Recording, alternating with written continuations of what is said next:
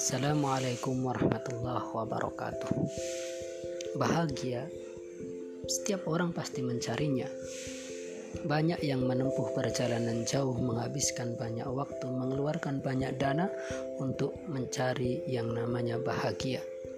Orang yang berpuasa dijamin oleh Allah Subhanahu wa Ta'ala mendapatkan dua kebahagiaan Pertama, bahagia saat berbuka, kedua, bahagia saat bertemu dengan Allah Subhanahu wa taala.